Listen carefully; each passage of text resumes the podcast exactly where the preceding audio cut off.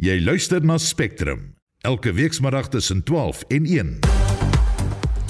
In vandag se program erge koue word die week vir verskeie van die land se provinsies voorspel. Bykans 2000 senior staatsdienspersoneel beskik nie oor die regte kwalifikasies nie en Afrika leiers bespreek binnekort die oorlog tussen Rusland en Oekraïne. Die span vanmiddag is redakteur Nicoline de Wee, klankregisseur Daitrin Godfrey en ek is Susan Paxton. Dubbelspeltitels vir Suid-Afrika se Donald Rampadi en Kothatso Montjane by die Franse Ope Novak Djokovic van Servië palm sy 23ste Grand Slam titel in en Suid-Afrika se Ashley Buy seëvier by die LPGA Tour se Shoprite Classic in die VSA. Ek is Shaun Schuster vir RSG Sport. Nou dit gons nog in Gauteng oor gisteroggend se aardbewing met 'n geologiese meting van 4,4.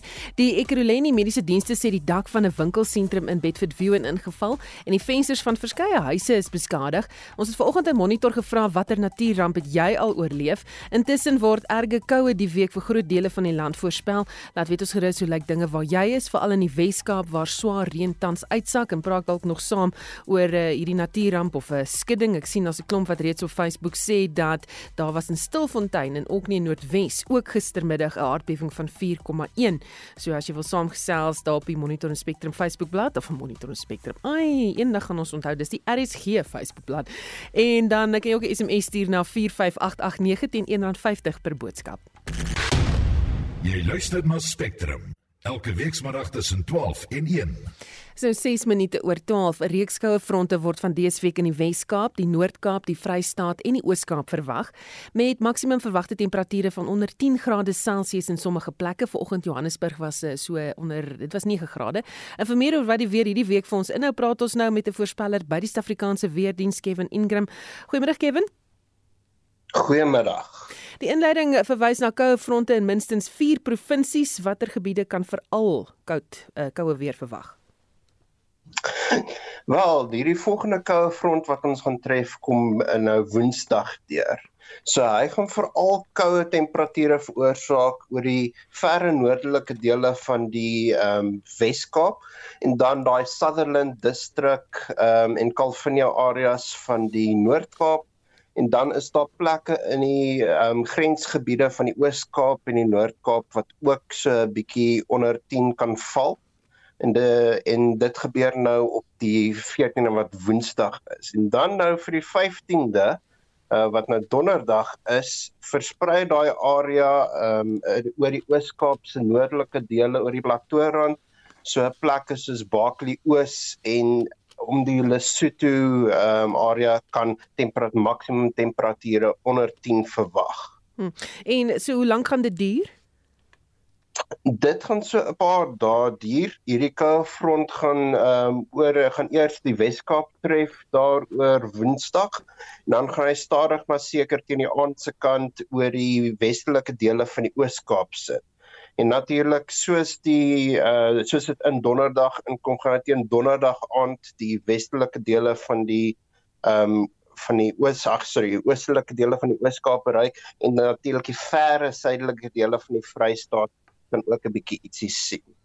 Maar die areas waar ons sneeuval verwag is maar net op hierdie stadium daar rondom die Lesotho grens in die Oos-Kaap. Hm. En het julle enige waarskuwings wat julle uitgereik het? Vir nou het uh, die Wes-Kaap 'n paar hele paar waarskuwings uitgereik. So daar's 'n vlak 2 waarskuwing vir ehm um, skadelike winde langs die kus en golwe reg deur die week en dan sal 'n uh, vlak 4 geel waarskuwing vir ontwrigtende reënval oor die Swartland lokale munisipaliteit, die ehm um, City of Cape Town, ehm um, die Cape Winelands distrik munisipaliteit en die westelike dele van Oeverberg distrik munisipaliteit. Want hulle ook 'n vlak 1 vir skadelike winde oor die sentrale Karoo en ehm um, 'n advisory vir baie koue toestande wat gaan plaasvind die week. En dit sal natuurlik wees presies oor die areas wat ek gesê daai ver noordelike dele van die Wes-Kaap. Baie dankie, dit was Kevin Ingram, 'n voorspeller by die Suid-Afrikaanse Weerdiens. Ek sien Jan Ras van der Linde sê Ceres ook 9 grade gewees vanoggend en lekker gereën. Daar's goeie nuus daar vir die ouens in die Weskaap as dit reën. Intussen eh, die president sê hy sal self sy besluit kommunikeer oor of die BRICS-beraad in Augustus in Suid-Afrika gehou sal word. Dit is in eh, die reaksie op 'n vraag van Sakelei Noordwes aan adjunkpresident Paul Mashatile oor die kwessie. Mashatile het wel gesê dat die lasbrief vir die inhegtenisneming van die Russiese president Vladimir Putin sake bemoeilik. Die sekretaris-generaal van die ANC, Fikile Mbalula, was ook die afgelope naweek in China. Die doel van die besoek is nie heeltemal duidelik nie. Ons praat nou hieroor met professor Antoni van Nieuwkerk verbonde aan die Thabo Mbeki Afrika Skool vir internasionale betrekkinge. Eh, goeiemôre Antoni. Dankie, goeiemôre. So waar die regering vasgeskop het oor die aanvanklike hou van die beraad, die BRICS-beraad en Putin se bywoning, verander die dingetjie nou so effe. Dis dis 'n bietjie vroeg om dit te sê. Ehm um, ek moet sê dat dat ehm um, die tyd loop uit vir die Suid-Afrikaanse regering om aan te kondig wat hulle gaan doen. Want as want die, wat watter besluit hulle ook al neem of die beraad word in Johannesburg aangebied binne 2 maande of dit skuif na na Beijing toe of China iewers dit uh dit gaan baie gevolge hê insluitende jy weet die die logistiek verbonde aan die reël van so 'n groot beraad. Uh dit beïnvloed baie baie deelnemers. En so die, bekommernis is dat die tyd 'n bietjie gaan uithardloop. Uh ek vermoed egter dat agter die skerms baie werk gedoen word om 'n konsensus te bereik tussen die 5 BRICS alliansie alliansie vennote oor wat die beste ding is om te doen. Met ander woorde, my vermoede is, my teorie is dat die president, ons president, gaan nie net 'n besluit neem met 'n aankondiging vir die wêreld nie.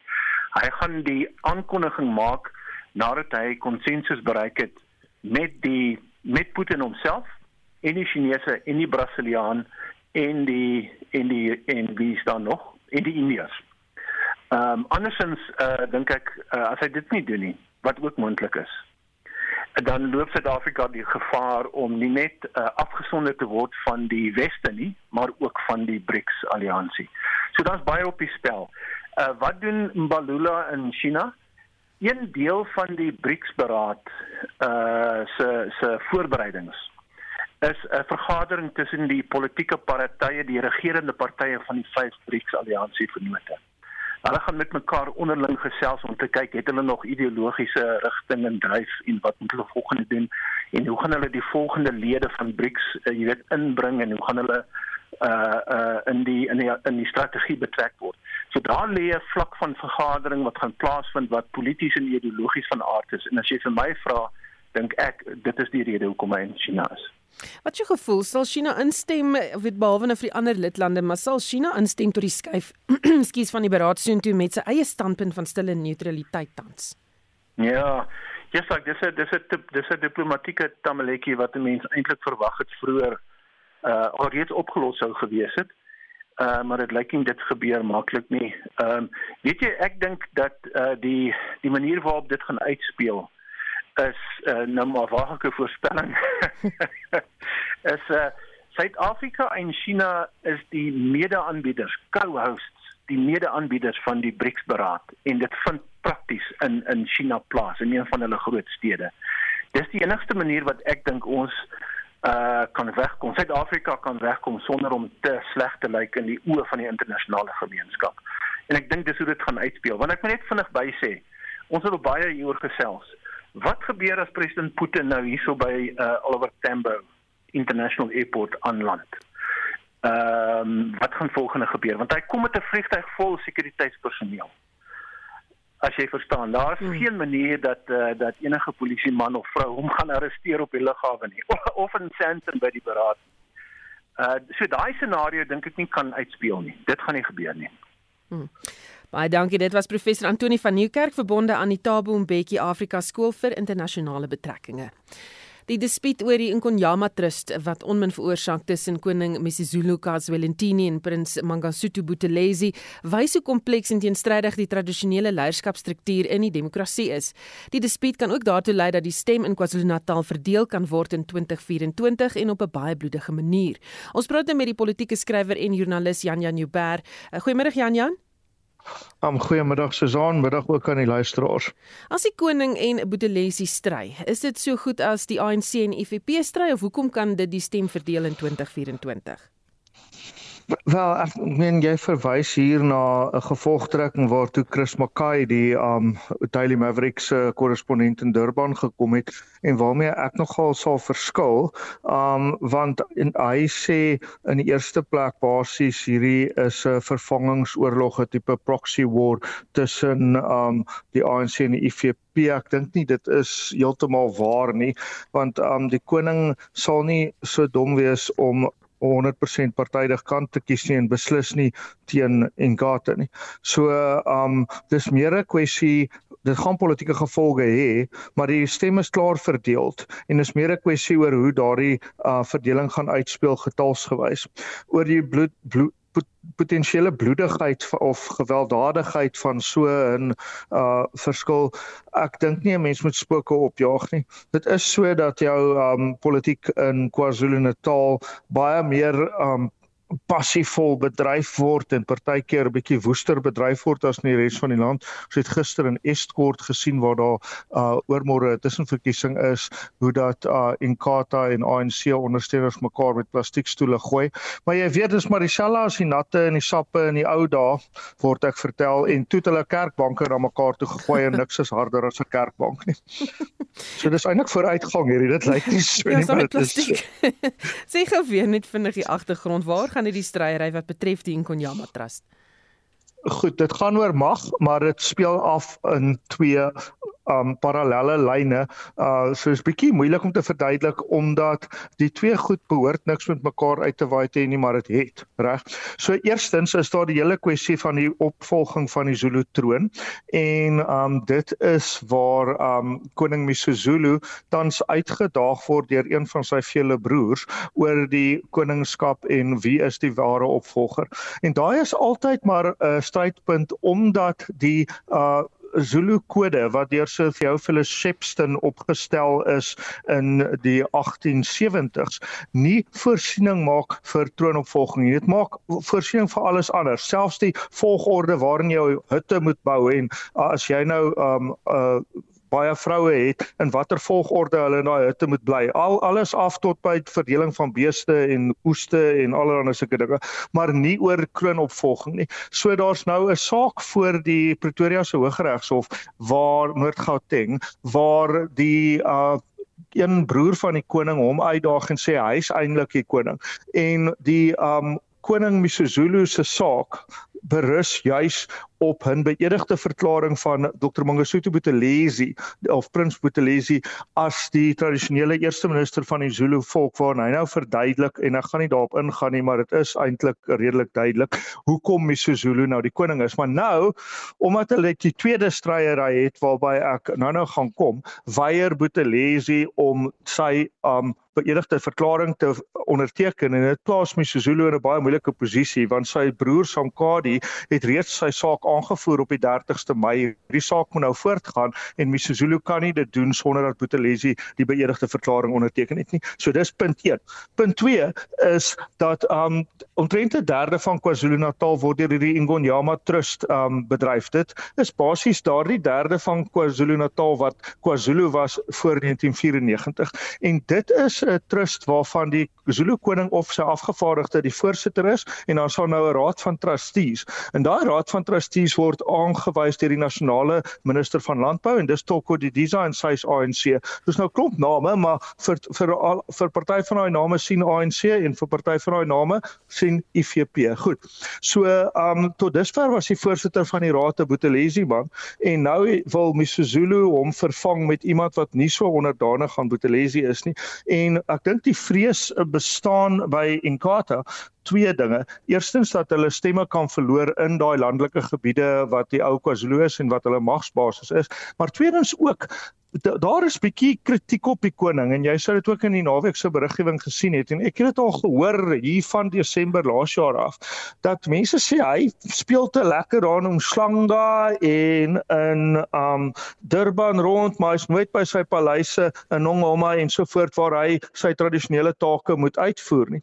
So um um nou is daar 'n uh, gevoel dat hierdie koning is nou op die verkeerde pad. En Buthelezi sit nou geweldig druk saam met sy uh, sy vennote in die koninklike familie op die koning om nie die Ingonyama Trust raad te aanvaar nie. En dit is waar die twee stryery kom. So Buthelezi hou nou die mes teen die keel van die koning. Ek teken nie jou um beëdigde verklaring nie en dan as jy dalk nie meer koning nie tensy jy my mense insit op die Ingonyama Trust um se raad. En daai is pure magspel want daai ouens hmm. beheer die 30% van KwaZulu-Natal. Is daar nog plek vir iets soos 'n Ingonyama Trust in ons bestel? Wel, dit is 'n dit is 'n baie belangrike vraag en dit is die vraag wat jy heel aan die begin van hierdie gesprek opgehaal het. Want hoe kan jy in 'n grondwetlike demokrasie mense hê wat mag het en inkomste kry want al hierdie mense word betaal deur die belastingbetaler, nê? Nee? Dis 'n massiewe bedrag geld. Die koning self se huishouding kry 79 miljoen rand 'n jaar en um dit is nog nie eens die begin van die van die betaling vir al die hoofmanne en al die indunas en al daai nie. So um daar's baie mense wat aan voordat jy nie in 'n grondwetlike demokrasie mense kan kry wat sulke posisies kry bloot op grond van hulle geboorte nie. Um dit is inherent ondemokraties en feodaal. Dit is 'n ooreenkoms waartoe gekom is in 1994. Dit was Inkatha wat daarop aangedring het en sedertdien het die ANC nou netjies uitgevind dat wiens brood men eet, diens woord men spreek. Want um soos die Nederlanders en party Afrikaanse mense sal sê, want um dit beteken um die ou wat die wat die wat die beer Persie hou, hy deel die lakens uit. En um die ANC het baie mooi agtergekom dat dit is baie lekker om hierdie ouens te hê wat tradisionele leiers is die hele land vol, selfs op plekke waar ons nooit eers geweet het daar was tradisionele leiers nie en sekere dele, byvoorbeeld die Wes-Kaap waar daar nou skielik tradisionele leiers opskiet so spaddastoele en um dit kyk is dit nou nuus. Maar um die die punt hier is die ANC het agtergekom jy kan die mense grootliks beheer deur die feit dat jy hulle betaal en hulle probeer nou basies 'n eie magsbasis bou na mate hulle stedelike magsbasis verkrummel met swak dienslewering ensovoort omdat daai landelike um, plattelandse kiesers aan hulle kant te kry want ons vrek baie mense daar tussen die heuwels hoor. Hmm. So hierdie is 'n belangrike storie wat ons in elk geval maar gaan moet dophou.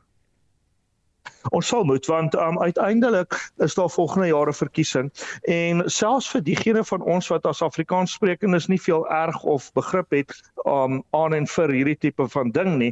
Um dit gaan op ons 'n effek hê omdat dit 'n effek gaan hê op die uitslag van die verkiesing en watter mate die ANC suksesvol is om daai platlandstelsel te probeer koopteer bykans deur indien dan nou nie dwang nie dan definitief beïnvloeding van tradisionele leiers.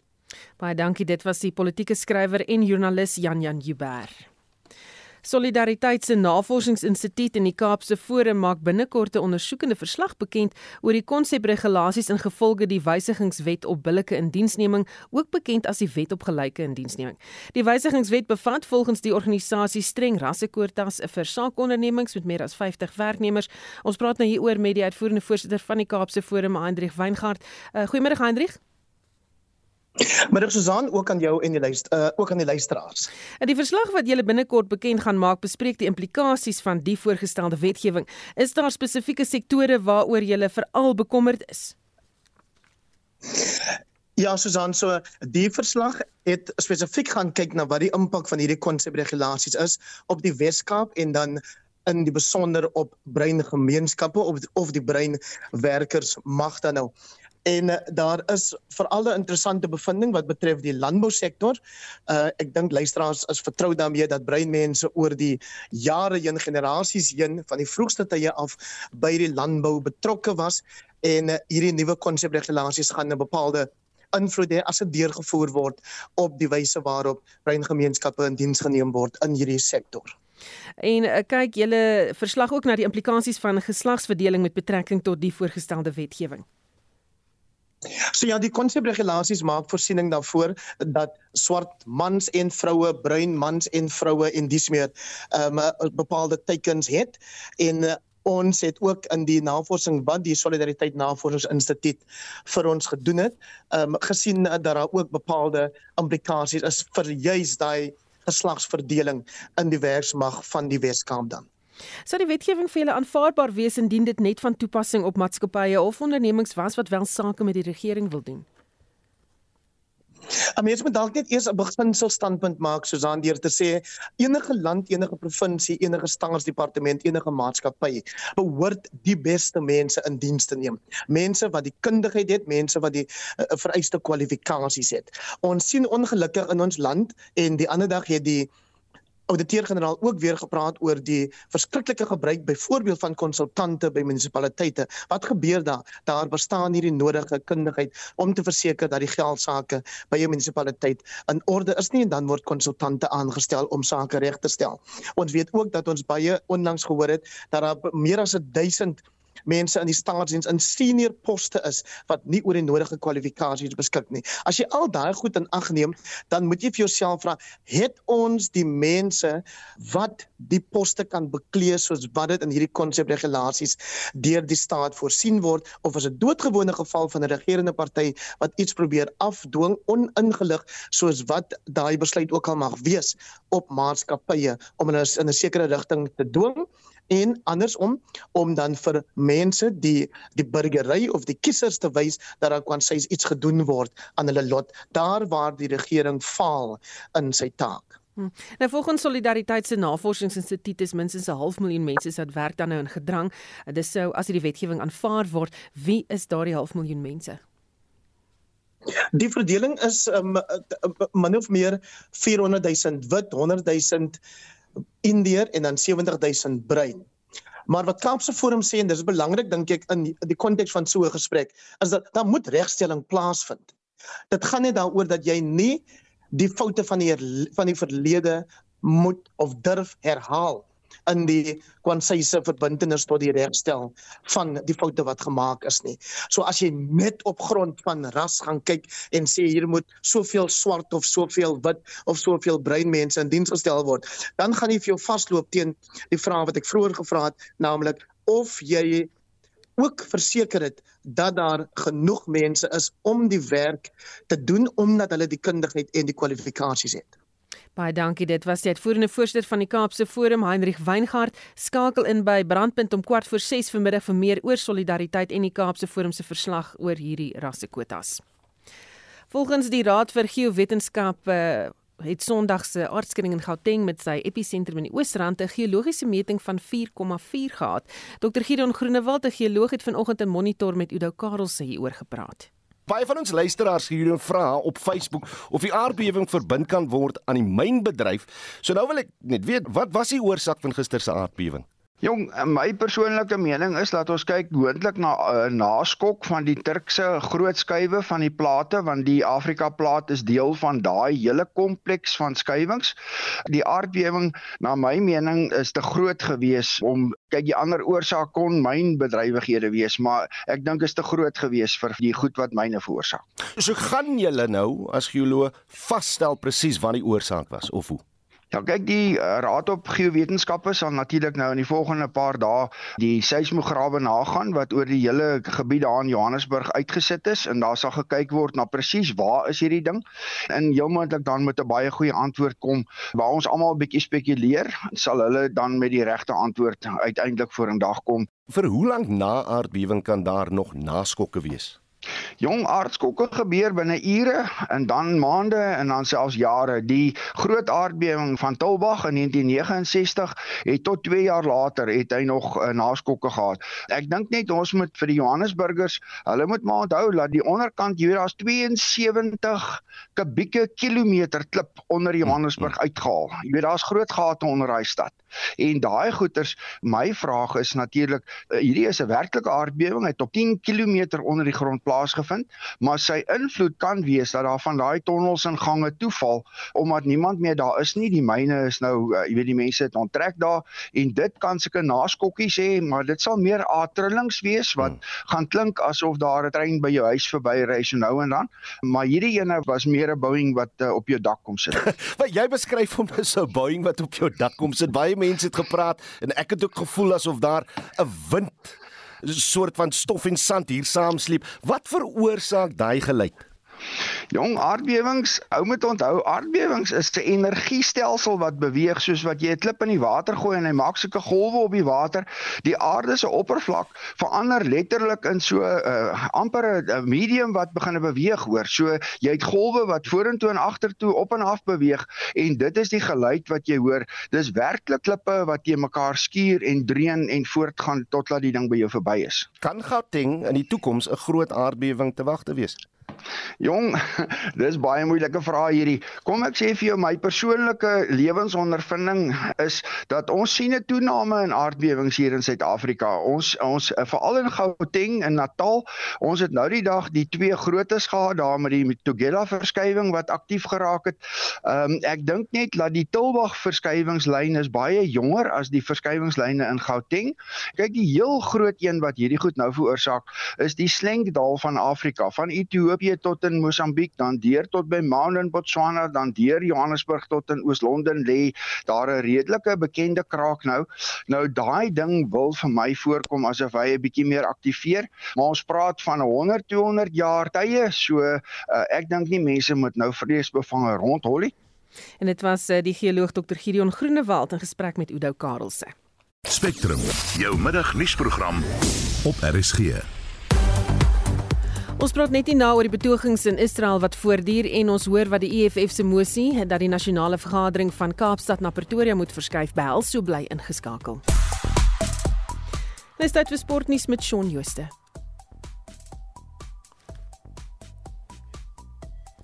Oh, nee, lyk dit vir my ek is te vroeg met die sport. Ons moet eers 'n bietjie terugvoer gee. Kom ons kyk gou daar uh, na wat jy gesê het oor die skok. En Susan Strydom sê ook nie Stilfontein area was gistermiddag was daar ook 'n aardbewing van 4,1. En uh, dan vra Johan Botha, dankie, wat het die beweging veroorsaak? Dis 'n baie goeie vraag Johan. Is nog besig om ondersoek in te stel daar, maar ek sien Johan Ebersen het geantwoord en gesê hulle vermoed dit was eintlik 'n naskok van die groot aardbewing wat 2 maande gelede in Turkye plaasgevind het. En daar is skeer in die aardkorslop groot suid deur Afrika en ons het dit pas gehoor met daai onderhoud wat uh, hulle gepraat het daarso met Gideon. En dan sê William Jumate, hier in Stytlerwil is hy waai die wind en dit is baie bewolkie en Gauteng ook redelik koud en Helene Swanepoel wat ook sê ek was ook gister op Stilfontein en dit het ook baie erg geskit daar. So jy kan ook steeds saamgesels op die RSG Facebook bladsy oor hierdie vraag as jy wil en vir, vir ons vertel wat jy gevoel het, wat jy gesien en beleef het en miskien net bietjie gesels oor die weer. Hoe koud is dit waar jy is?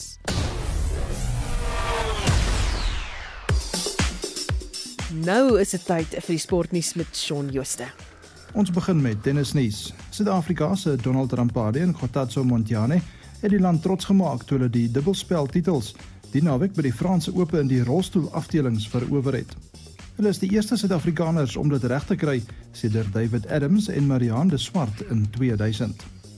Novak Djokovic van Servië het ook sy 23ste en Iga Swiatek van Pole haar derde Grand Slam titel ingepalm maar meer hieroor 'n bietjie later. In golfnuus, Suid-Afrika se Ashley Buy het die LPGA Tour se Shoprite Classic in New Jersey in die VSA met een hou gewen. Sy het die toernooi op 14 houe onder die baansyfer geëindig. Dit is Buy se eerste oorwinning in die VSA en haar vierde titel in die laaste 10 maande. Buy sal ook die Britse vroue ope wat sy verlede jaar gewen het in Augustus verdedig. Op die cricketveld pak Sri Lanka en Suid-Afrika se A-spanne mekaar in die eerste van twee vierdagwedstryde. Suid-Afrika het die eendagreeks met 2-1 gewen en sal die reeks ook graag wil inpalm. Die tuisspan het die lood vanoggend gewen en die Suid-Afrikaners gevra om eerste veldwerk te doen. En laastens, na die naweek se MotoGP aksie staan die Italianer en voorloper Francesco Bagnaia op 131 punte. Sy landsgenoot Marco Bezzecchi is tweede op 110 en die Spanjaard Jorge Martin derde op 107 punte. Suid-Afrika se Brad Binder vaar ook uitstekend en is vierde op 92 punte.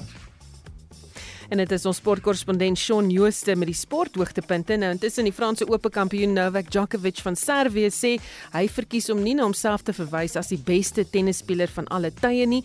Djokovic het die vierde gekeerde Casper Ruud van Noorwe gister in skoonstalle in die eindstryd in Parys geklop om 'n rekord 23ste Grand Slam enkelspeltitels te of 23 Grand Slam enkelspeltitels te verower en Liesel Olivier doen verslag.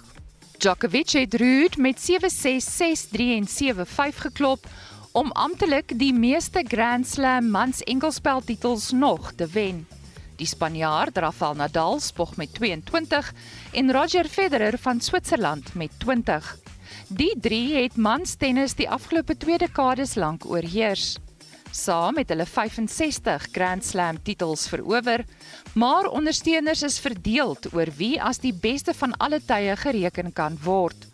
Djokovic wil egter nie aan die debat deelneem nie. I've said it before, it's disrespectful towards uh, all the great champions in different eras of our sport that was played in a completely different way than it is played today. So I feel like each uh, great champion of his own generation has left a huge mark, a legacy, and paved the way for, for us to be able to play to play this, this sport uh, in, in, in such a great stage worldwide.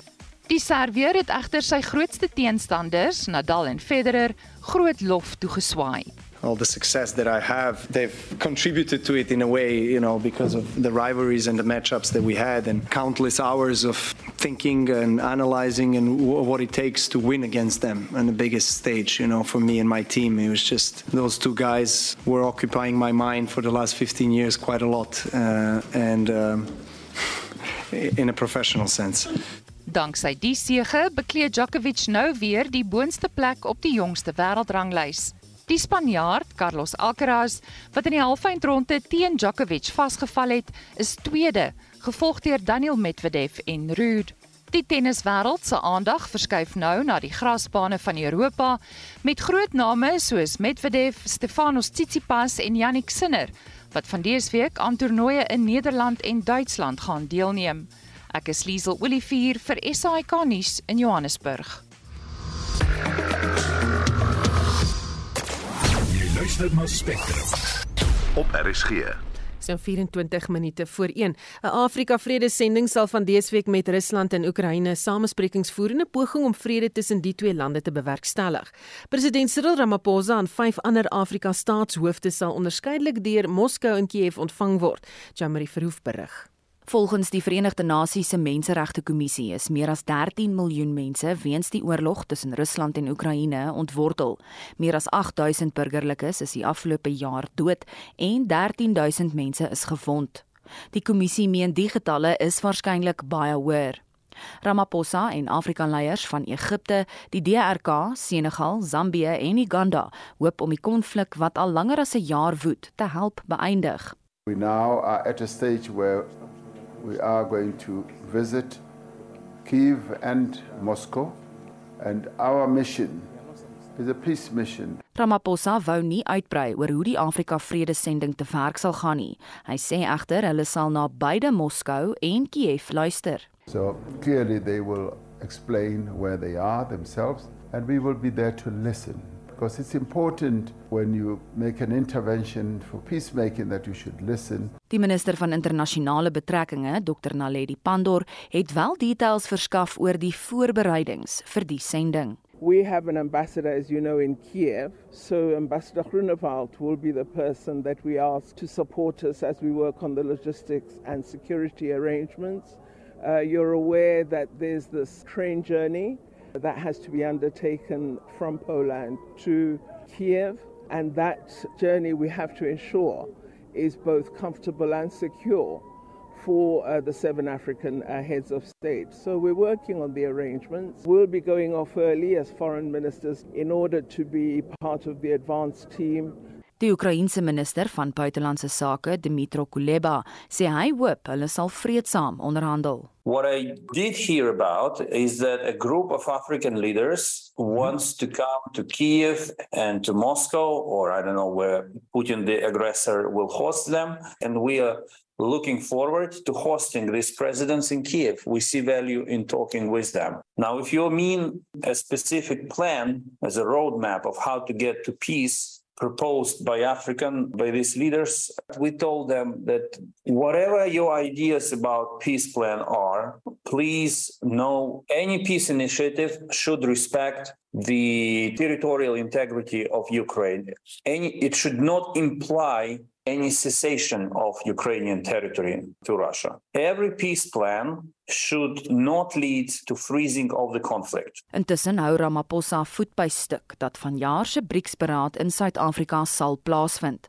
Hy het gereageer op gerugte dat die beraad moontlik na China verskuif sal word weens 'n lasbrief deur die internasionale strafhof vir die inhegtenisname van Rusland se president Vladimir Putin. We as South Africa being the host, obviously we have to discuss this and come up with a clear position.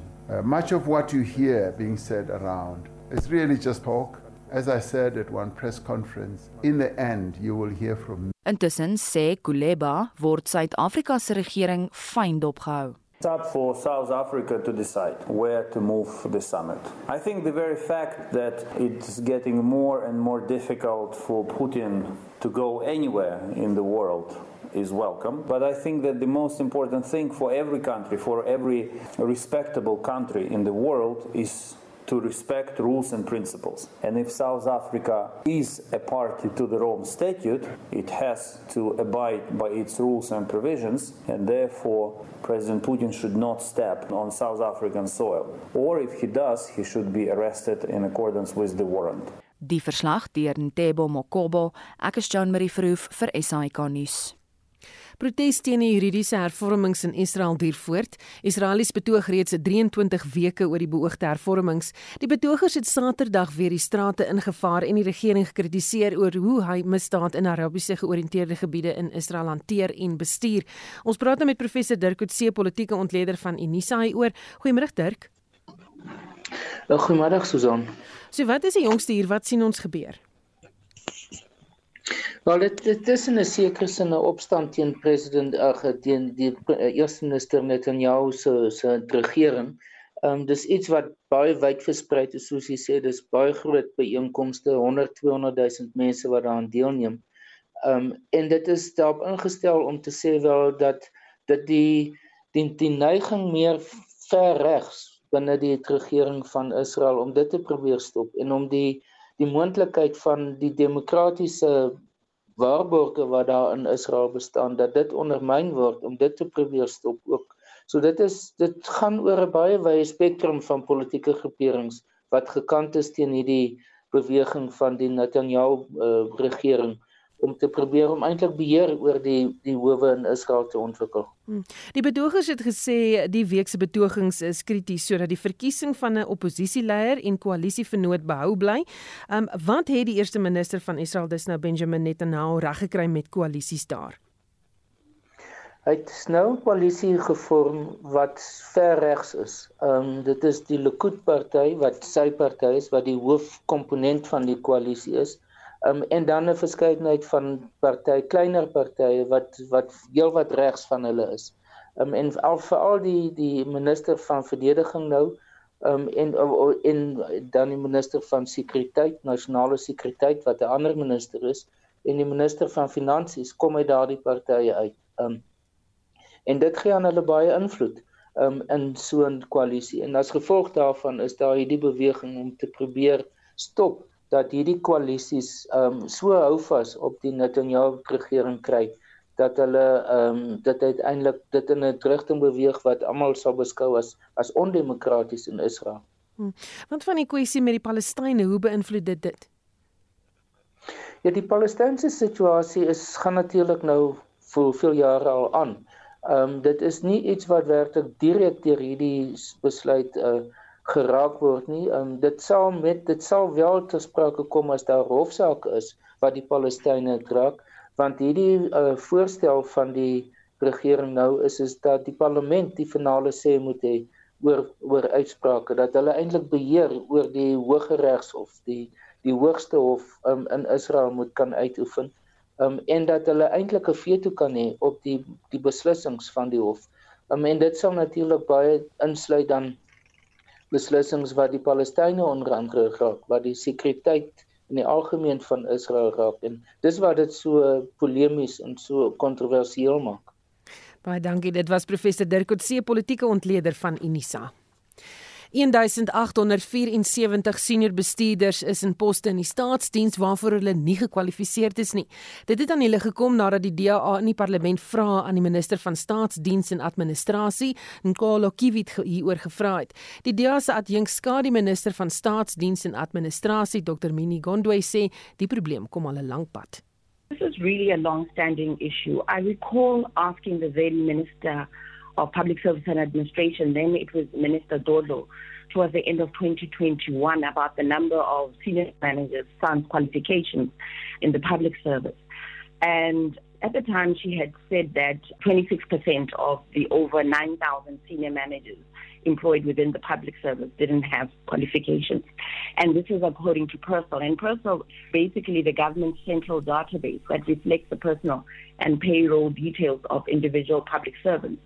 So at the time, I also asked Minister Jojo if her department would be investigating the issue and how these senior managers were recruited and employed in the public service in the absence of their qualifications. Gondwe sê dat as hulle nie die regte kwalifikasies het nie, moet hulle afgedank word.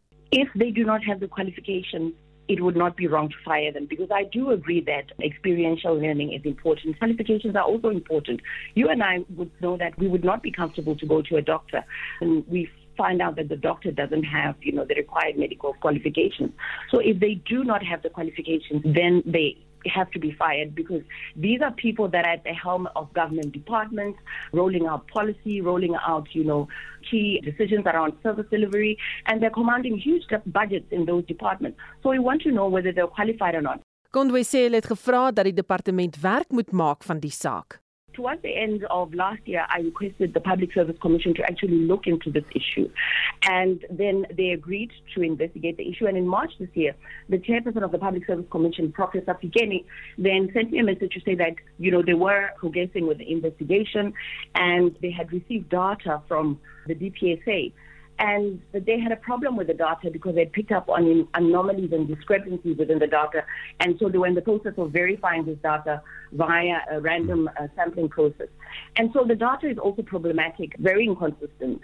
At the time when I wrote to Professor Sigeni, the response I got, because I've been following up on this issue, was that there were 2,364 senior managers, sans qualifications in the public. Nyoko Mabunda, die adjunkdirekteur vir menslike hulpbronne in die departement sê egter dat die mense wel gekwalifiseerd is, maar dalk nie vir die poste waarin hulle hulle self bevind nie. The biggest challenge is that it's not necessarily that they are unqualified. but it's because they have the minimum requirements of the positions have been changed in 1 August of 2016. And we did that because of the pursuit of professionalization to ensure that we have minimum norms and standards in the number of qualifications of people that are in senior management position. But I also, before I go deeper into that, I just wanted to clarify a number of things that were raised by Dr. Condon. I think what the then Minister of Public Service and Administration said when we replied to the question that the Honorable Member of Parliament raised was that there were 509 SMS members that we found that not to have the correct information on person. So we asked the Public Service Commission. It was actually us who asked the Public Service Commission and provided that information to the Public Service Commission to investigate those that appear to be employed after 2016 because we wanted to check why would they be doing something that we have stopped in the public service. And those 509 are being investigated. We're working hand in hand with the Public Service Commission to clarify that. Mabunda sê volgens die arbeidswet kan mense ook nie sommer net afgedank word nie al kwalifiseer hulle nie meer vir die poste wat hulle beklee nie. The Labor Relations Act. In terms of our labor laws, you cannot put someone, including the Public Service Act, by the way, you cannot move someone to a position where they will be found to be disadvantaged professionally and otherwise. So if we were to do what Dr. Conway is saying we must do, we will be found to be doing something illegal and it can't be done in our in the context of our current sure. laws. En uh, dit was Nyoko Mbunda, die adjunkdirekteur vir menslike hulpbronne in die Departement Staatsdiens en Administrasie wat vroeër met SAK nuus gepraat het. Ons gesels oor die weer, ons gesels oor daardie skuddinge hierdie afgelope naweek en ek sien dat Amanda in Stilfontein sê ek het net opgekyk en aangegaan in Stilfontein is so gewoond aan die skuddings daar. Ons bid dan nou net en sê dankie ons is okay en dan sê sy ook dis baie baie baie koud in Stilfontein vandag. En uh, dan uh, ek was 6 jaar oud uh, toe die aardbewing Tilbag in 1969 net na 10 die aand getref het. Uh, dit was angswekkend en berge het gebrand. Dis Samuel Walters van Gouda wat dit sê ons het doodseker gemaak dat daardie 300 presies pas by die spesifieke vaardigheidsbehoeftes van Eskom. Daar het verlang net eenvoudig niks daarmee gebeur nie. Maar dit blyk asof die gety begin draai. En dit was die eerste keer wat ons wel 'n gevoel gekry het daar is nou ook politieke wil en dit lyk asof die gaping tussen die bedryfswil en die politieke wil al hoe kleiner begin raak. Brandpunt 'n fokus op al die nuusgebeure van die dag. Weksmiddag tussen kwart voor 6 en 6 uur op RSG. Inwoners van Westbury en Johannesburg hou sedert vroeg vanoggend betogings in die gebied wat tot dusver tot groot verkeersopeenhopings gelei het. Inwoners is lydensberigte ongelukkig oor die regering se voorgestelde wysigings aan die wet op gelyke indiensneming. Westbury se gemeenskapsleier, biskop Dalton Adams, sê die nuwe regulasies sal teen sekere rassegroepe diskrimineer. Ons praat nou hieroor met Ronald Harris, hy's 'n raadslid in die gebied. Goeiemiddag Ronald. Goeiemiddag, uh, mevrou. Hoe presies sal die wetgewing diskriminerend wees? Uh as jy nie omgee gaan ek uh, ek gaan in Engels antwoord. Is reg so. I think the Employment Equity Amendment Act um sets targets in 18 sectors where the authorities are saying that we must have certain employment for blacks, coloreds, Indians and whites. The sad part is that the uh, these targets are saying that people of colored extraction and Indian white are going to be excluded over the next five years from certain sectors within the in the um, uh, economy. And if you look at the uh, economies that are listed, those are all mainstream economies. Now we can't allow that to happen. We can't allow this new kind of apartheid. We cannot allow the authorities to introduce a, a new kind of regime where only black people will be allowed to work in certain areas and colored Indian and white people will be asked to root themselves out and go and live in area, other areas. This is unacceptable and we're fighting against that. Beplan julle om die protesoptrede verder te vat? Beslis ja. I think in we, our memorandums that we're handing over, we're giving them 14 days to to have an answer. That's the one side. Then there's also legal action that is that has been taken place and we are being friends of the court in those legal actions. So we're going to have rolling mass action over the next couple of weeks because on the 1st of September, the, the uh, president of South Africa signs that bill into law, and we're going to have no chance of, of stopping it if we don't do that now. So this is going to be ongoing. En ander nuus daar daar's lydensberigte 'n 12-jarige meisie die naweek in Westbury geskiet. Wat is die situasie op die oomblik na die onlangse geweld daar? Well, Viti, I, think the problem that we have is that we're so used to death and, and destruction now that it's just another one of those things. It's a 12 year old girl, shame. She's Muslim, she's buried, and we've forgot, forgotten about it. It can't be that way. This is an orchestrated attempt by the authorities to undermine these ghettos and to, to drive our youth to all kinds of social ills. It cannot be. The, the area is calm right now but it's calm of a kind of an acceptance that yes, we've buried this girl. Next week we're going to bury another boy, and so it's going to ca- carry on until we find a solution. And the solution lies in employment. As mense werk het, sal hulle. So we need to find a way of uh, local businesses, uh, local government buildings employing our young people and upskilling them and giving them some kind of hope so that they don't need to depend on the drug trade uh for survival. Baie dankie, dit was Ronald Harris, raadslid in die Westbury gebied. Jamie Verhoef sluit nou by aan my aan in die ateljee vir 'n nuusopsomming. Ja, en soos jy nou gehoor het, die polisie in Gauteng ondersoek die skietdood van 'n 12-jarige meisie in Westbury in Johannesburg. Die meisie was glo Saterdag by 'n vriend se verjaardagpartytjie toe onbekende verdagtes skote begin skiet het. Hier is 'n gemeenskapsaktivis in Westbury, Jefferson Allister. They were all standing outside, and the next thing, there was boys coming from the one side, and they started shooting Uh, towards the like the shop where she is. Believed it for some person else. Eventually, pushed all her friends to run into the house, and unfortunately, she was the one that got hurt. En die Wesbury gemeenskap het intussen die strate ingevaar om te betoog oor 'n rits Eh, kwessies eh, onder meer dienslewering, gebrekkige polisieering en soos Ronald Harris nou net gesê het, hy's 'n 'n raadslid in Westbury, is dat hulle ongelukkig is oor die konsepwet eh, op die billike of gelyke indiensneming en dat daar 'n gebrek aan werksgeleenthede is. Intussen sê 'n woordvoerder vir die metropolisie in Johannesburg, Zolani Fihala, uh, hy het ons uh, die jongste gegee oor wat aangaan op die paaie. The situation is calm at the moment besides the traffic disruptions and road closure. Officers have been deployed. Expect delays, especially on the main road joining Perth Road and within the West Dean, as vehicles are being diverted from the road closure on Perth Road. Motorists are urged to exercise caution, avoid and use Serpentine Avenue in Hurst Hill, Hay Avenue and Florida Road in Westbury, or Albertina Sisulu Road in Industria as alternative routes. En dan nuus uit die howe, die verhoor van uh, die 5 mans wat aangekla word van die moord op die burgemeester van die Collins Shabane munisipaliteit Moses Maluleke is in die Hooggeregshof in Polokwane tot 21 Augustus uitgestel en die Senzo Moyiwe verhoor kon ook nie vanoggend voortgaan in die Hooggeregshof in Pretoria nie. Die staatse getuie Zandile Kumalu sou vandag haar getuienis voortgesit het, maar die saak is uitgestel tot 17 Julie. En dan in ander nuus sê die eerste skole van vanjaar se sardientjie loop in aan die KwaZulu-Natal Natal se kus begin aankom. Die provinsie se haie raad sê sowat 120 kratte se sardientjies is vanoggend in Scottsboro se hoofstrand suid van Durban gevang. 'n Woordvoerder, Wayne Harrison, sê dit lyk of die sardyne nou noord beweeg. They have netted at the Scottsboro main beach, and so far there are two successful nettings.